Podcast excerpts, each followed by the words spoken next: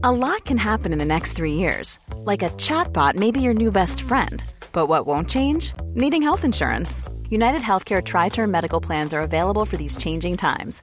Underwritten by Golden Rule Insurance Company, they offer budget friendly, flexible coverage for people who are in between jobs or missed open enrollment. The plans last nearly three years in some states, with access to a nationwide network of doctors and hospitals. So, for whatever tomorrow brings, United Healthcare Tri Term Medical Plans may be for you. Learn more at uh1.com. Hold up. What was that? Boring. No flavor. That was as bad as those leftovers you ate all week. Kiki Palmer here, and it's time to say hello to something fresh and guilt-free. Hello Fresh. Jazz up dinner with pecan-crusted chicken or garlic butter shrimp scampi. Now that's music to my mouth. Hello Fresh. Let's get this dinner party started. Discover all the delicious possibilities at hellofresh.com. Ryan Reynolds here from Mint Mobile. With the price of just about everything going up during inflation, we thought we'd bring our prices down. So to help us, we brought in a reverse auctioneer, which is apparently a thing. Mint Mobile unlimited premium wireless. Ready to get 30, 30, bit to get 30, bit to get 20, 20, 20, bit to get 20, 20, bit to get 15, 15, 15, 15 just 15 bucks a month. So, Give it a try at mintmobile.com slash switch. $45 upfront for three months plus taxes and fees. Promo rate for new customers for limited time. Unlimited more than 40 gigabytes per month. Slows. Full terms at mintmobile.com. Tio steg till hälsa och lönsamhet, del 1.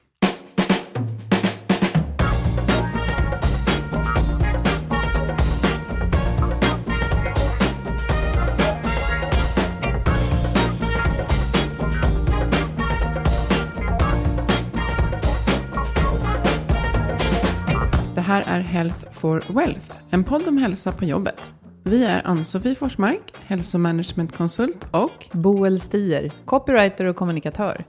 Vårt motto är att hälsa och lönsamhet hör ihop, om man satsar långsiktigt och hållbart. Men hur gör man för att lyckas? Det tar vi reda på i den här podden. hej och välkomna. Idag ska vi prata om hur man arbetar framgångsrikt med hälsa steg för steg. Ganska stora kliv på sina håll får vi nog förvarna om. så. Eh, Men förra gången så pratade vi om personlighetstesters vara och icke vara. Och eh, det väckte tankar och diskussioner i våra sociala Verkligen. medier. Mm. Superkul.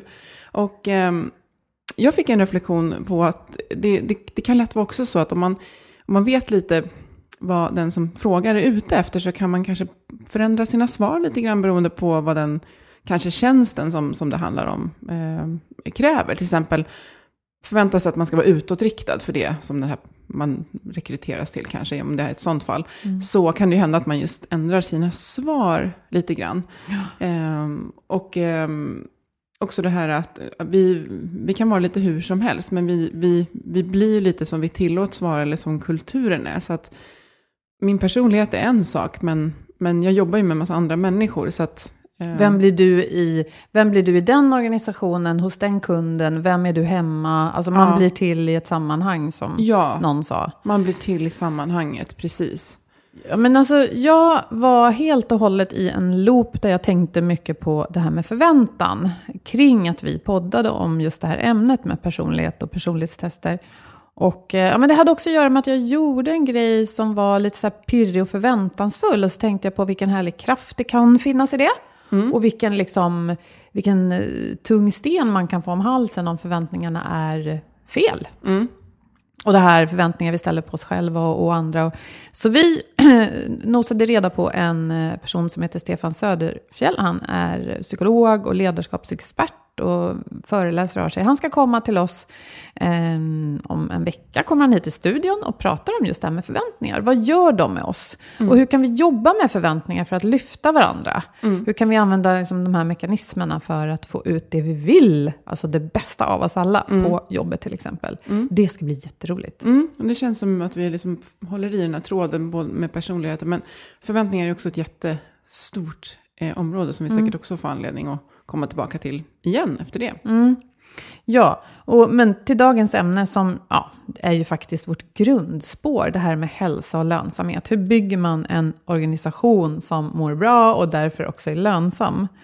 Eh, och du är ju väldigt bra på det här, Annie. Du har funderat och du har satt ihop eh, tio steg Ja, tio fokusområden, frågor, men det är ju steg. Saker så man, behöver göra och reda ut va? Ja, och då tänker jag att om man lyssnar och inte känner att man är in, liksom, har stor beslutsfattande roll, då kan det kännas att, lite som kanske jag kan känna med klimatet, att man identifierar utmaningar men, men känner att man har svårt att påverka. Men eh, man, man ingår ju i forum där man kan lyfta de här frågorna och man kan fundera på också hur är det på vår arbetsplats och det kan också vara så att om det är något som skaver så kan det hända att man hittar det inom de här stegen och känna att de här bitarna har inte vi på plats. Och det kan ju också hjälpa i att må bättre och bara förstå att ja, det här saknas på min arbetsplats. Eller så känner man att det här är vi stenkoll på. Och det gynnar de andra då kanske nio frågorna som dyker upp. Så att det, Det är som ett analysredskap och det kan vara en handlingsplan. ja, precis. Ja, men så. jag blir jättenyfiken. Jag vill veta mer nu. Ja, men och så tänkte, det är tio frågor då bara för att det ska vara en, en bra siffra så. Så vi tänkte att vi, vi betar av fem idag och sen tar vi fem i ett senare avsnitt så. Ja, men jättebra. Vi kan kalla det för steg eller frågor. Därför att du, du, din rekommendation är ju då att man gör de här kronologiskt, eller hur? Att man börjar med ett. Ja, ettan är i alla, i alla fall måste ettan komma först kan vi väl säga. Och sen kanske det är så att man kommer på någonting och hoppar runt lite. Men, men, men ettan är liksom jätteviktig. Och den handlar, den första frågan är egentligen varför finns vi? Ja, okej. Meningen med livet och så. Nej, tänkte jag mer som organisation. Ja. Nej, men det är en fråga vi Ja. återkommer till ofta. Den kan ju tyckas så enkel att ställa. Den är ju enkel att ställa. Men eh, det tar lite tid att besvara den. Vad, vad är din erfarenhet då när du är ute och jobbar med företag, kunder och organisationer? Vad är så att säga hindret för att bli klar med den här frågan? Eller blir man någonsin klar? Nej, det, det tror jag inte heller eftersom vi, det är ju en dynamisk organism. Vi, folk slutar, folk börjar, så det blir ju en ny organisation hela tiden med nya människor. Men det finns ju, någon startade ju någonstans eh, den här organisationen, oftast utifrån ett identifierat behov någonstans i samhället förhoppningsvis. Och sen kan det vara så att man kan vara en ganska liten organisation där man alla vet precis varför. Men på många ställen är man ju väldigt många Om man har till exempel supportfunktioner som inte, eller de är egentligen direkt kopplade till syftet. Men det man gör känns inte som att man, man står inte liksom vid frontline och krigar för det här syftet utan man kanske arbetar med ekonomin, man kanske har hand om receptionen eller någonting. Nu, Och då betraktas det här som en stödfunktion till så att säga kärnverksamheten, är det Men så? Ja, men det heter ofta lite stab, supportfunktioner och sådär. Och det, det räcker med att en sån person är borta en dag så märker man ju hur viktig de är för, eh, för organisationen. Men det kan vara att det behövs lite jobb för en sån roll att koppla upp sig på det här syftet. Och sen är det också så att vi kommer ut till arbetsplatsen idag, i dagens samhälle, med ofta ganska mer eller mindre uttalade förväntningar på att vi ska ju leva våra egna syften också. Och de behöver lira med företaget. Och då kan jag tänka ibland att eh, om det är väldigt viktigt för mig att göra skillnad för andra människor och, och få dem att må bättre, eh, så kan jag behöva, då kan jag tänka att ja, men då, då kanske jag ska jobba inom vården. Så behöver det inte alls vara, utan jag kan ju faktiskt vara just i en, en kundtjänst till exempel, eller vad jag än är, så har jag ju möjligheten att leva ut den värderingen på jobbet, oavsett vad jag gör. Förstår du hur jag tänker där? Om det inte är så då att, om man säger så här, företagets eller organisationens varför, om det nu är konkretiserat, eller om man själv klurar ut det för sig då. Jag menar, och den här klassiska, klassiska exe- exemplet är väl då att om man kan jobba inom sjukvården, det handlar om att rädda liv. Och att eh, så här, gynna hälsa för medmänniskor. Det är ju lätt att hitta ett, ett så här bärande varför där, ett högre syfte, eller hur? Men om jag jobbar i en organisation där man man säljer produkter och tjänster och, och ja, det kanske är så här att det finns många andra som säljer liknande produkter och tjänster. Då kan man ju tycka, ja, varför finns vi egentligen? Det finns ju många som gör samma sak. Men då får man väl fundera på, på vilket sätt hjälper vi någon? När vi gör det vi gör. Och sen är det så att syftet ger ju också stadga till hela organisationen. Och det pratas mycket om självledande organisationer och självledarskap. Om syftet hos oss är att vi ska se till att den här produkten finns tillgänglig för våra befintliga kunder och potentiella kunder på ett väldigt enkelt och smidigt sätt. Om det är vårt syfte och du går igång på det, då ger jag dig, och jag kan ge dig, större frihet att lösa den utmaningen. Jag behöver inte kontrollera dig i minsta detalj, vilket jag kan behöva göra om jag är lite osäker på om du vet vad vårt syfte är. Men om det är syftet, och sen har vi förstås ramar och spelregler, att ja, om det kostar över så här mycket så är det bra om du stämmer av till exempel, eller om det får någon annan typ av påverkan. Här har vi en budget, här har vi tidsramar. Ja, Mm. det är ramarna. Men då ger jag ju också dig friheten att lösa det. Det bygger ett lärande i organisationen. Eh, för det gör att du får, det är uppmuntrat att du ska lösa den här utmaningen varje dag. Och är det någonting vi mår bra av, det är ju att känna att vi bidrar till någonting som växer och sådär. Så att, att varför vi finns, att prata om den frågan utifrån flera perspektiv, eh, det är jätte, jätteviktigt. För det sätter ju liksom hela ramen. För kan inte en enskild medarbetare svara på det, då blir det också väldigt svårt att ge frihet eh, under ansvar. Och det är ju också just den, den här måndagen när det är liksom regn och rusk och man ska göra något jättetråkigt. Eh, så är det ju väldigt bra att på olika sätt kunna hänga upp sin liksom drivkraft på att ja, men jag vet ju vart vi är. Eh, jag vet var vi är på väg, jag tycker det känns attraktivt. Just det här jag ska göra idag känns inte superkul. Men overall så tycker jag att det känns inspirerande att gå till jobbet för att jag bidrar till det här. Och kunna svara på det inför sig själv, eh, men också in, in, liksom inför andra. Precis, och det är väl oftast att man förväxlar varför med vad. Alltså, eh, jag går till jobbet för att få en lön i slutet av varje månad. Men då är det ju mer eh, en utkomst av varfret. Ja, Alltså, mm. ja, men det där är en jättestor fråga. Vi, har, vi kan lägga länk i eh, avsnittsinlägget till ett avsnitt som vi har ägnat bara åt detta. Jag tror till och med att vi kanske har flera. mm, jag har säkert repeterat någonting jag sa i, i det avsnittet. Men det här är så otroligt viktigt. Och vi, eh, nu är det efter, efter sommaren och det är väldigt många som eh, kommer tillbaka från semestern. Så redan kommer tillbaka, men kanske precis som, som, som jag känner lite att man, så här, tappar lite, man kan tappa lite styrfart. Och då är det så bra att kunna plocka upp den här frågan. Men hörni, vi ska ju göra det här. Och också, det ger också ramar till ja, beslut. Alltså det stöttar ju beslut. Om vi är oense om någonting, okej men vi ska hit. Det här är vårt syfte. Vilket av våra beslut, sen kan vi vara oense ändå, tar oss ditåt. Eh, men, men syftet, alltså vårt varför, vilken, vilken utmaning löser vi i samhället? Eh, det kan låta jättestort. Men, Eller i vårt sammanhang runt omkring oss. Ja, den behöver man ha svar på. För den sätter hela riktningen för precis allting annat. Härligt. En stor munsbit att bita i för vilken ledare som helst. Ja, Ja, check i boxen. Vi kan fastna där jättelänge, men nu går vi vidare. Steg två, vad är det då? Ja, men det är så här, hur funkar det hos oss för medarbetare att känna ett personligt engagemang och ansvar för att arbeta mot det här syftet? Hur funkar det?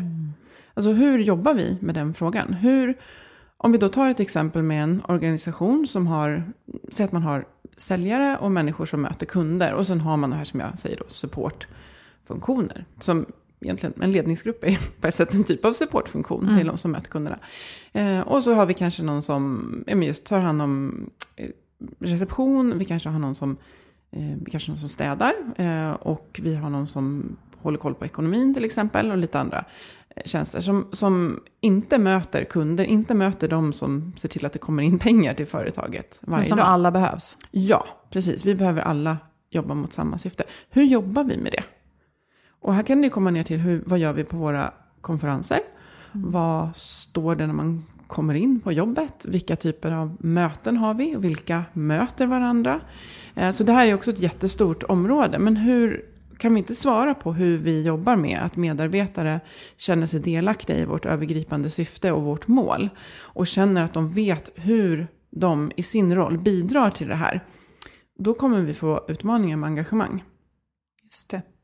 Det är bra. Och det måste någonstans handla, svaret på din fråga måste någonstans handla lite om hur vi pratar med varandra, hur vi, ja, vilka ord vi använder, ja, Mm. tänker jag då. Eller? Ja, det spänner ju både över eh, kultur och struktur kan man säga. Att hur, hur har vi strukturerat oss och hur är kulturen hos oss? Känner alla att vi är liksom, det här som alla drömmer om, att man ska känna som att vi är liksom one tillsammans. Ehm, men, ehm, och det kommer också in på det här som liksom är väldigt omtalat just med, med självledarskap. Att i ett, välfungerande självledarskap så, så funkar det här väldigt bra. Då känner jag mig som medarbetare eh, engagerad och motiverad och har verktyg för att jobba mot vårt, eh, mot vårt syfte och mot, mot vårt mål utan att jag behöver bli toppstyrd. Men allting måste ju börja med att jag känner till målet. Och det kan väl säkert vara så i många organisationer att det är lite vagt. Att folk, om du skulle ställa frågan rakt till eh, olika medarbetare på olika platser i organisationen, skulle du få olika svar på vad det här varför är. Mm. Och då, mm, då behöver man göra ett jobb där mm. Antagligen. Och det kan ju också vara lite olika varför, tänker jag. Att, att, att vissa dagar så känner jag bara så här, nej men nu vill jag bara vara schysst mot andra i det här mötet och liksom ta hand om min kollega som inte mår bra och så avsätta tid till det. Men att eh, jag kommer ju in på jobbet med, med mina värderingar och det här kommer vi in på igen då, att de måste liksom lira. Ja, att dem. organisationen och individen måste lira, för det är ditt steg tre, tolkar jag det som i alla fall. Ja. Eller hur? Du, du uttrycker det som, vilka värderingar behöver vi ha för att fylla vårt syfte? Ja, precis. Så vi har ett tydligt mål. Eh, och så har vi satt både en struktur då för att, eh, för att alla ska känna sig delaktiga i det här. Till exempel när vi ser att våra intäkter har ökat så känner jag, oavsett vad jag är, att wow, ja, det där hade jag en, en del i. Liksom. Och mm. att tittar man på resultatet, liksom både om man tittar på kvalitativt och kvantitativt, kanske mm. siffror och kundnöjdhet eller personalomsättning så känner jag också att ja, jag har varit med och, och bidragit. Så. Eh, och då behöver vi ju liksom kulturella spelregler för det där och ord som vi kan eh, hänga upp det på. Och eh, förra veckan så var jag hos en organisation som har mod, möten och möjligheter. Och då tänker man, ja men hur kan vi, och de har en restaurang på plats, en folkhögskola.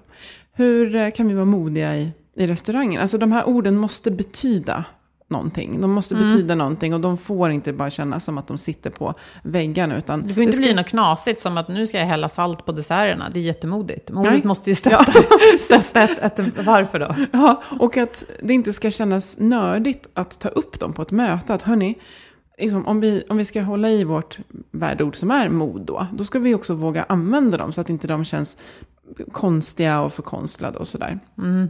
Och så är det som sagt så att det är ju jätte, jätteviktigt att de att de lirar med värderingar som jag har. Eh, och att jag känner att jag, jag mina värderingar, jag, jag, jag, behöver inte kliva så långt ifrån dem när jag går in på jobbet. Det kan ju vara att ja, jag känner mig inte som modig, men det är okej. Så jag, det har vi pratat om, vad är det att vara mm. modig? Och då kan man, om man tar ett så här superskarpt, tydligt exempel, om jag är pacifist och så jobbar jag inom försvaret, då, då kanske det är så att jag skulle behöva byta jobb. För mm. att verkligen mina värderingar ska li... Jag menar, sen skulle jag kunna jobba med någon del av försvaret som verkligen är renodlat bara handlar om att hjälpa andra inom någon medicinsk, alltså sjukvårdsgren eller vad som helst. Men det, det kan ju ändå vara så att ramverket, nej, i, i längden funkar inte, för jag tror inte på det här. Mm, eller att du jobbar med att förhindra, alltså med så här fredsbevarande inom försvaret kan ju kännas jättemeningsfullt, mm. men kanske inte inom vapenindustrin då till exempel. Nej, skulle ju inte funka. Alltså det blir, det blir en clash. Det spelar ingen roll hur hög lön du får, det kommer clasha i, mm. inom dig. Och sen det är klart, jag måste ställa mat på bordet varje kväll, så att tills jag hittar ett nytt jobb så får jag väl kanske ja, mm. vara kvar där jag är. Men ja, någonstans så faller det lite grann på individen då, det här också. Ja. Att hitta värderingarna och hur de funkar ihop. Och där, det här är egentligen en, en, egentligen en till punkt som ska in, men den ingår här med värderingar. Att vi är inte alla så otroligt medvetna om våra egna värderingar. Vi har dem.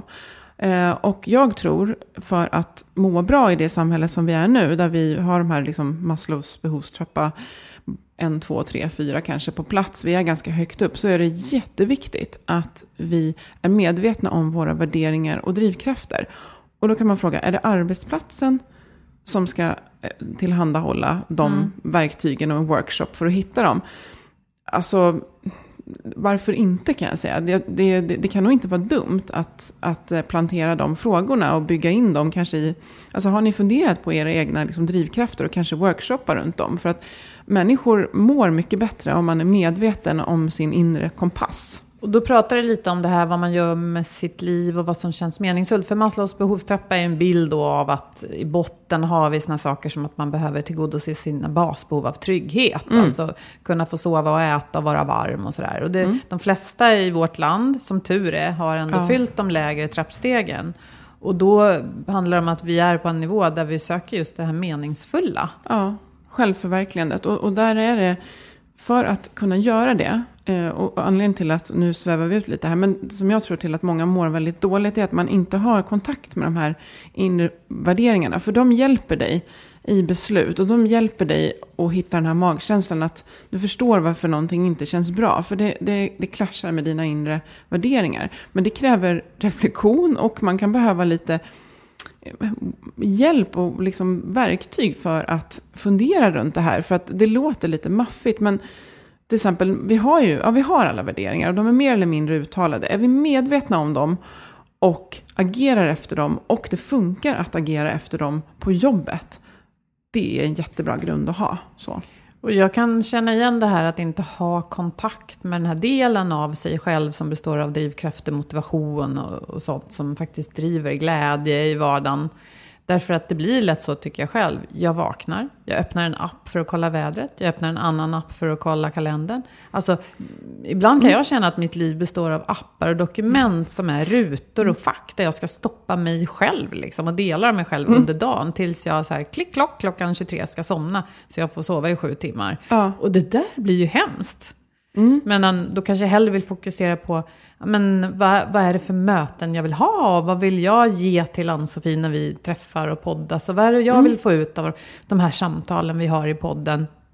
Hur bidrar det till mitt liv? Så, Ja, är det inte Ja. lite så? Jo, men verkligen. Och, menar, tänk då att om du går från ett appliv till att säga wow, imorgon ska jag vara helt värderingsdriven hela dagen. Wow, det kan vara stort. Det Men blir är en salt i så här- desserterna kanske. Ja, och, och, och, och ofta så har ju liksom lite så här, ja, lite, det blivit lite flummigt som har gjort våld på de här. Att så här sätt dig ner och sätt en intention för dagen. Och för många känns det så här, nej men alltså, men så här, ta kaffet och bara så här, vad, hur skulle jag vilja att det känns ikväll? Och ofta är det ju så att om vi tittar tillbaka så har vi fått utlopp för våra värderingar under dagen. Så känns det som det har varit en bra dag. Så, så att på ett väldigt oflummigt sätt om det här känns långt bort. Ta in det och fundera på vad är eh, mina värderingar? Finns det möjlighet för människor i vår organisation att fundera på sina värderingar? Eller ja, hur ser vi på det? Så, men de behö- det behöver finnas en diskussion runt det. Kan man hitta ett annat ord om man tycker värderingar är maffigt så gör det. Vad, vad får mig att gå igång Ja, och, what och må bra? tick, Och hur hittar jag... säger Ja, precis. Ja. Och vad, hur hittar jag det på jobbet? Kanske skulle kunna vara en mer konkret fråga. Ja. Som ändå fiskar efter samma sak. Mm. Ofta kan man börja i så här, när känns det riktigt, riktigt bra? Vad är det jag gör då? Så. Ja, men Mm. bra fråga. Vi går vidare till steg fyra. Och om vi då vill vara en värderingsdriven och syftesdriven organisation, eh, vilka beteenden är det då som vi behöver belöna? För att, eh, och det här finns det många andra som, som pratar om också, just att om vi bara om jag bara belönar dig på att du ska nå din säljbudget, då rent krasst så belönar jag någonting som Alltså, då kan det ju vara att du så här, går över lik för att liksom få till de där säljsiffrorna. Och det blir också ganska kortsiktigt. Jag kanske säljer något till en kund som kunden egentligen inte behöver. Nej, precis. Bara för att du måste nå din budget. Inom ramen för det här kvartalet behöver jag sälja si så mycket. Ja, eller har ringt ett visst antal samtal till exempel. Du bara, okej, men jag klämmer in fem samtal till. Eller Eh, så vi ska precis nå budget, vilket jag förstår måste liksom funka. Men om vi vill vara långsiktiga, eh, vilka beteenden är det då som vi vill lyfta upp eh, och också belöna? Om vi vill komma bort från att liksom belöna det som är resultatet av, av bra beteende. Vi vill ju belöna beteendena. Och nu kanske vi inte ska djupdyka i hur, men jag, jag ställer mig ändå frågan som, ja, under, under den här rubriken, något som är svårt tror jag för många. Det är just det här att göra rätt saker långsiktigt. Men ändå nå de här då, om man nu har kvartalsmål eller siffermål, att man ska ha en viss omsättning. Hur, hur får man ihop det? För ibland så kolliderar de kanske. Men det intressanta är att de flesta organisationer har ju en plan att finnas om fem år. Även om det är, Mm. det är färre och färre organisationer som alltså, överlever. Och då behöver det ju finnas en plan för liksom, lönsamhet och välmående om fem år. Och om man då ba- backar tillbaka så kan man ju hitta ett beteende som behöver ske det närmsta kvartalet som blir en typ av investering. Jag gillar ju att bokföra så att jag, liksom, det kan vara någonting som, ja det genererar inte resultat plus just nu. Men det är inte en kostnad egentligen, det är en investering. Sen kanske man bokföringstekniskt inte kan lösa det, utan det ser ut som att det är rött. Men vi vet att jo, men det här kommer faktiskt eh, generera. Säg att vi till exempel rekryterar en till person för att avlasta ett överbelastat eh, team. Och så säger så här, wow, det där slog verkligen på resultatet. Ja, men vi, vi ser här att på vår ettårs, tvåårs, treårsplan så kommer det här faktiskt att generera både lönsamhet och minskade sjukskrivningar och minskad personalomsättning till exempel. Så, att, Så ja, det, då skulle det kunna vara så här att i, det här, den här organisationen belönar vi att tänka och verka långsiktigt. Mm. Men också med hänsyn till de ekonomiska mål som är viktiga för att vi ska kunna finnas kvar. Ja, det får inte bli till exempel likviditetsproblem för Nej. att man ska Nej. överleva. Ja, det blir, alltså, jag tror folk förstår vad vi är ute efter. Mm. Men, men just det här att vilka, vilka beteenden tror vi tar oss mot vårt syfte? Och vilka beteenden vill vi uppmuntra som leder till långsiktighet? Och hur ser vi till att det är de vi lyfter upp? För det så här funkar det ju. Det vi belönar, det är det vi kommer få se mer av. Och då borde det ju förstås vara så att det vi mäter och belönar måste vara kopplat till ettan. Varför? Ja, Så att jag också som individ, om jag hamnar i en trixig situation och behöver lösa den snabbt, så kan jag alltid få stöd och råd av att tänka på det här varför. Ja, precis. Och det här har vi pratat om när vi pratade om vårt varför. Och, du bjöd på en anekdot om när du löste en grej på när du jobbade på restaurang. Ja, det. Eh, och det var, där kan man säga, å ena sidan så löste du det i enlighet med en typ av värdering att jag gjorde kunden nöjd. Mm. Men det var inte en hållbar lösning, för det skulle bli ganska bökigt Det långsiktigt. kliva Nu får ur ramarna det. lite för mycket. Ja, precis. Och då handlar det ju jättemycket om att vi måste återkomma till vårt syfte och vilka hur vi lägger i att jobba mot vårt syfte. För att annars kanske alla går och löser det på 70 miljoner olika sätt varje dag. Och det blir inte bra heller. Men just det här med vilka beteenden är det vi vill uppmuntra och lyfta. Och jag menar, det finns ju inget bättre än att på ett möte så här, Vet ni vad, vet ni vad Booli gjorde förra veckan? Vi vill bara berätta det här. Hon gjorde det här. Så får folk idéer. Ja, ah, det där. Ja, det var liksom en bra grej. Vad kan jag göra? Så, så att lita på att de beteenden som vi eh, belönar, det är de som vi kommer få se mer av. Och det är jättesvårt att belöna en, en siffra. Så. Ja, just Även om det, ja, Vi måste det är göra det man gör. för att få den här siffran i hamn. Då, då. Ja. mm. Steg fem. Ja, och då är det just det här att de eh, allra flesta organisationer, eller alla skulle jag säga, eh, är det någonting som är konstant så är det förändring. Att alla säger att ja, förändringen det går så snabbt och vi, digitalisering, AI.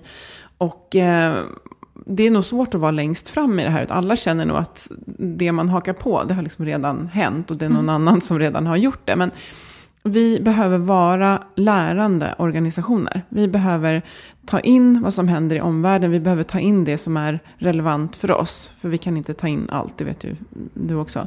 Eller vi, som människor kan vi inte ta in allting. Men vi behöver eh, hitta sätt där vi lär, alltså utifrån, från andra. Vi behöver lära oss från våra kunder, eh, patienter, gäster, eh, om deras behov och deras önskemål.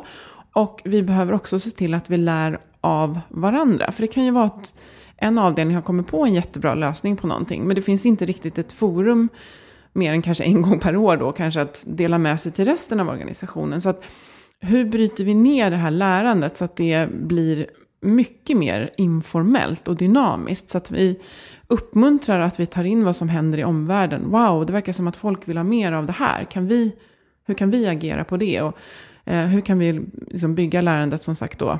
Det är egentligen ett sätt att nyttja den nya kunskap som organisationen själv bygger. Ja. Så att hela organisationen får del av den. Ja, och att det ofta är lärande är ofta, alltså tyvärr kan det kännas som att det är ofta fortfarande kopplat till att man åker på kurs till exempel. Även om man ofta pratar om så här 70-20-10, kanske att 70% av lärandet ska ske liksom, under arbetsdagen och sen kanske en del är på kurs och ja, jag vet inte. Men eh, alltså hur, hur är man när man är en lärande organisation? Vad handlar det om hos oss? Hur lär vi av varandra? Lär av misstag? Lär av omvärlden som är relevant för oss? Eh, och just tar till oss att ja, men, relevans teknologi och kanske säger så här, ja det där är ju jätteintressant men det är inte relevant för oss. Kan också vara jätteskönt så. Men eh, hur blir vi lärande? Det är en jätteviktig del. Där vet jag vi hade vdn för Futurion här som spanar på framtiden. Det är deras uppdrag. Och hon sa ju det att en av, en av de viktiga slutsatserna de har dragit som är just det här att organisationer idag behöver vara lärande. För det är det vi människor Eh, alltså för att vi människor ska kunna tillföra det som är den, den mänskliga uspen. Mm. Idag när vi pratar om robotar och så, det är kreativitet, samarbete. Eh, då behöver vi kunna lära. Ja. Och lära hela livet och inte bara gå i skolan en gång och sen vara färdiga, skjutas ut på arbetsmarknaden och verka, utan hela tiden. Och då måste det finnas någon typ av flexibilitet. Och det är återigen då som det här med var, när varför och hur kolliderar. Att vi behöver ju lösa så stora långsiktiga mål men också inom ramen för vad som är möjligt idag. Ja, precis. Med viss liksom, realism. Mm. Och en dimension av lärande som jag tror att många framgångsrika organisationer har på plats. Eh, och då blir det en exempel på, på kanske en, en, organisation där man har eh, många som jobbar liksom långt ut i organisationen och möter eh, gäster, kunder, patienter. Där sker ju automatiskt ett lärande hela tiden. För de uppfattar verkligen vad utmaningen är, vad som funkar och vad problemen är. Och sen har vi en beslutsfattande ledningsgrupp, kanske långt, långt, långt bak, som sitter på sitt rum och liksom spekulerar att nu ska vi göra det här. Men lärandet där ute behöver ju vara väldigt, väldigt eh, enkelt att få in i organisationen. Mm. Att det är där man uppfattar, vi ser, vi behöver det här. Vi behöver vara en till. Vi behöver de här verktygen människor önskar det här. Hur kan vi agera Den på det? Den kunskapen behöver kunna färdas uppåt i organisationen också. Ja, mm. eller inåt. Mm. Jag gillar inte upp och ner. Nej, det är okay. inte du heller, det vet jag. Men, men inåt. Jag mm. tänker så att det är där. Det... Inåt till den här supportfunktionen som ja, då styr det hela. Mm. Precis. Eh, så, så vad, är, vad är lärande hos oss? Och liksom definiera det. Eh, hur sker det just nu och hur behöver vi organisera oss och skapa forum för att öka det här lärandet och uppmuntra det? För det är då vi då växer, växer ju kunskapsbanken och kompetensen hos alla medarbetare. Mm, det här är ju spännande för nästa gång ska vi, eh, ja, vi det kommer ju ett eh, avsnitt två mm. med eh, de fem kommande stegen ja. också, eller hur? Mm, absolut. Eh, men nästa gång vi släpper, tror jag, om jag nu blir helt rätt kronologiskt, så kommer vi prata om just det här med vad styrelser kan mm. göra för att få en organisation att må bra. Ja. Det har man inte pratat så mycket om. Man har pratat mer om vad som händer mellan kanske närmaste chefen mm. och medarbetaren. Eh, med Caroline Lornudd heter hon. Ja, Fick vi kom... tillfälle att säga det också? Ja, precis. Så det avsnittet kommer faktiskt efter det här. Och sen så krokar vi i den här frågan igen då. Mm. Så det blir en bra röd tråd. Så då blir det tio steg till hälsa och lönsamhet del två efter Caroline Lornud. Ni, ni hör ju, ni måste ju hålla koll på torsdagarna när vi släpper. Precis. Ja, och eller ni måste inte, utan gör det bara. Jag gör det. Och som sagt, jättegärna bolla tillbaka tankar och erfarenheter. Och eh, jättegärna, som sagt, både berätta så här, vi gör så här och det funkar toppen. Och, eller vi gjorde det här en gång och det funkade inte alls. För att mm. vi lär oss enormt mycket av saker som både gått bra och inte så bra. Ja visst, mm. och var man fastnar. För att eh, ja, jag tror att vi kan lära oss mycket av det också. Mm. Av sådana tankar som inte är färdiga. Processer mm. som pågår. Nej, men dela gärna med er och eh, ja, vi säger tack till eh, Agda Media för den här produktionen och till er för att ni lyssnade. Dela gärna våra avsnitt i sociala medier och skriv gärna en kommentar som sagt. Var snälla mot varandra. Hej då! Hej då!